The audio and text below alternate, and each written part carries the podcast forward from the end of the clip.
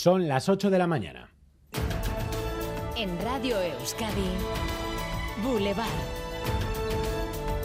Con Xavier García Ramsten.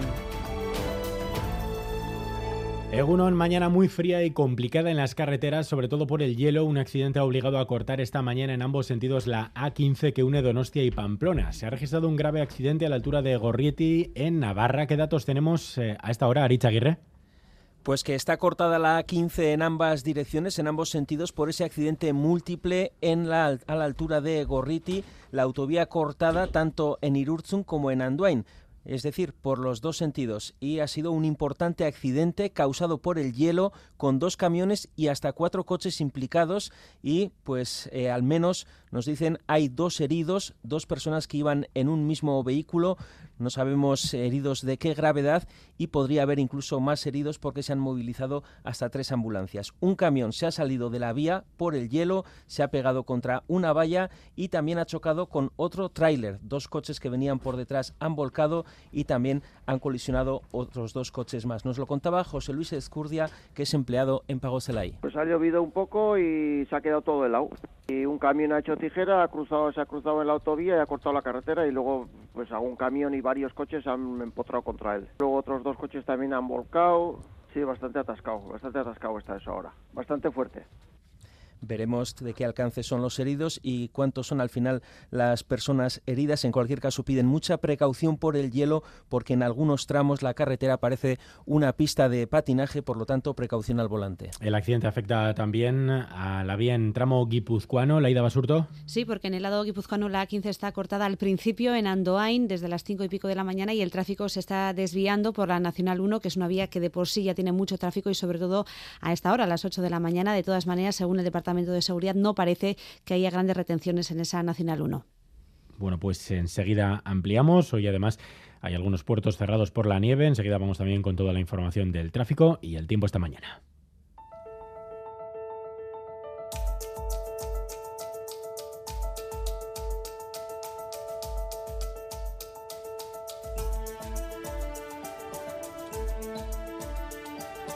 Y esta mañana está previsto que arranque en Donostia un importante juicio que demuestra ya de partida dos cosas. Una, que no todo vale en Twitter y dos, que una cuenta fake no exime de pasar por la justicia seas quien seas. En la audiencia de Guipúzcoa hoy arranca el juicio contra la persona que bajo la cuenta Guipúzcoa Confidencial se dedicó a desprestigiar a medios de comunicación, jueces y políticos como Markel Olano u O'Donnell Orza. Tras esa cuenta fake resultó que estaba el expresidente de la Real Sociedad, Iñaki Badiola, y se enfrenta a unos cuantos años de cárcel. Asier Herrero. Hasta 66 años de prisión y 3 millones de euros en multas por 47 de delitos por calumnias e injurias. Según la Fiscalía, Badiola, sabiendo que la información que publicaba era falsa, publicó fotos y vídeos atentando contra el honor de políticos, periodistas y jueces. En muchos casos trató de relacionarles incluso con el, con el caso Cote Cabezudo.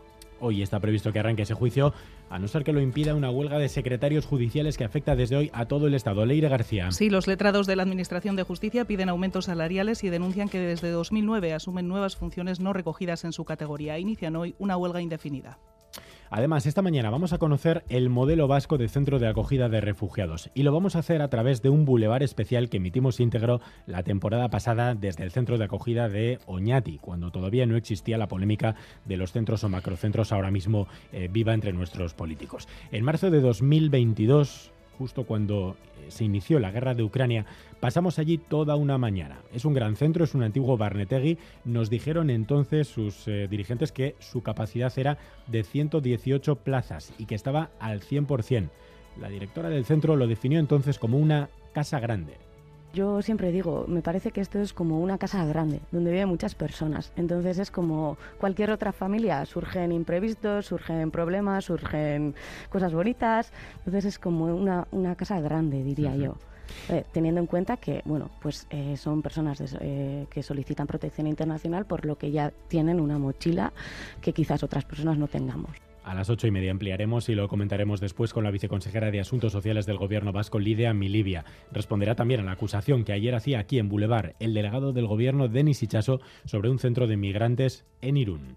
El, gobierno eh, vasco habilitó eh, con una ampliación de 100 hasta 250 plazas en, una, en un polígono industrial de Irún ante la contingencia de llegada de, ucranianos ucranianas, que no eran más que básicamente literas.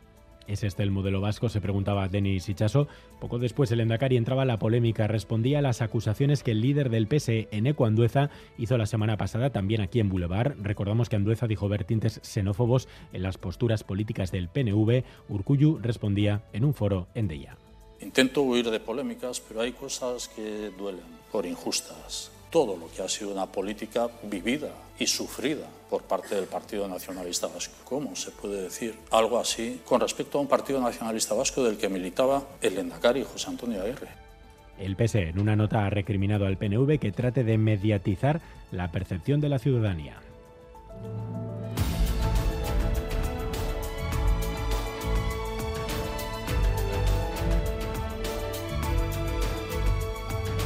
Además, en el Congreso de los Diputados, el presidente Pedro Sánchez va a detallar hoy las medidas anticrisis impulsadas como consecuencia de la guerra de Ucrania. Y se votará, entre otras cuestiones, la supresión del IVA del 4% en los alimentos básicos y el decreto que recoge una nueva prestación por desempleo para los artistas. En Argentina, las autoridades han confirmado oficialmente el fallecimiento de Iker Bilbao y Amaya Aguirre. Ambos fallecieron como consecuencia de la luz en la Patagonia. La Federación Española de Montaña barajó la posibilidad de organizar una expedición a la zona para recuperar los cuerpos, aunque finalmente se descartó por las condiciones meteorológicas y del terreno. El secretario general de la OTAN encabeza hoy una nueva reunión sobre el posible envío de tanques Leopard a Ucrania. Polonia apuesta por el envío de esos tanques y quiere impulsar que los países que lo apoyen se unan para llevarlo a cabo, aunque Alemania no esté de acuerdo. Titulares del deporte, Álvaro Fernández Cadierno, Egunón. Egunón, hoy con una previsión y un resultado. La previsión, la del partido de Liga que va a disputar el Athletic femenino esta tarde a las 7 en Lezama. Levante Athletic, o Athletic Levante en este caso. El resultado, el del choque de anoche en Guernica Winter Series de Cesta, Goico Echeto 2, Tamburindegui Minville 1, por lo que los vencedores se clasifican para las semifinales.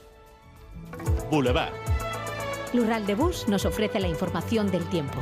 Lural de Bus, a donde vayas, vamos contigo.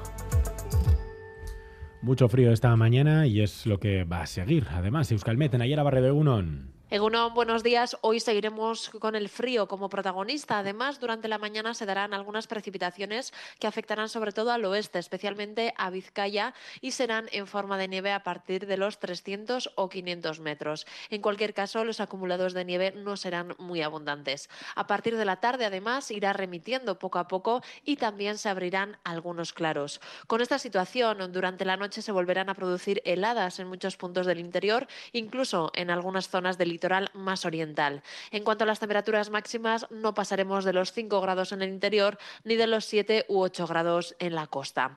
Por lo tanto, hoy será otra jornada de frío intenso con algo de lluvia y nieve en puntos del interior que tenderá a remitir durante la segunda mitad del día. Tenemos un grado bajo cero en Iruña, aunque nos dicen que la sensación térmica es de 6 bajo cero aproximadamente, 1 en Gasteiz, 3 en Laudio, 4 en Sopuerta, 1 en Bayona, 2 en Donostia, 5 en Bilbao. Mucho, mucho frío esta mañana, nos lo también ustedes en el 688-840-840. Egunon, en la Bastida tenemos un grado. La máxima prevista para hoy será de 3 grados. El cielo está nublado. Hola, buenos días. En Baracaldo, 6 grados y lloviendo. Pasar buen día. Egunon, zarautzen gaur iru gradu, ondo izan, aio. Egunon, Güeñes, 6 grados.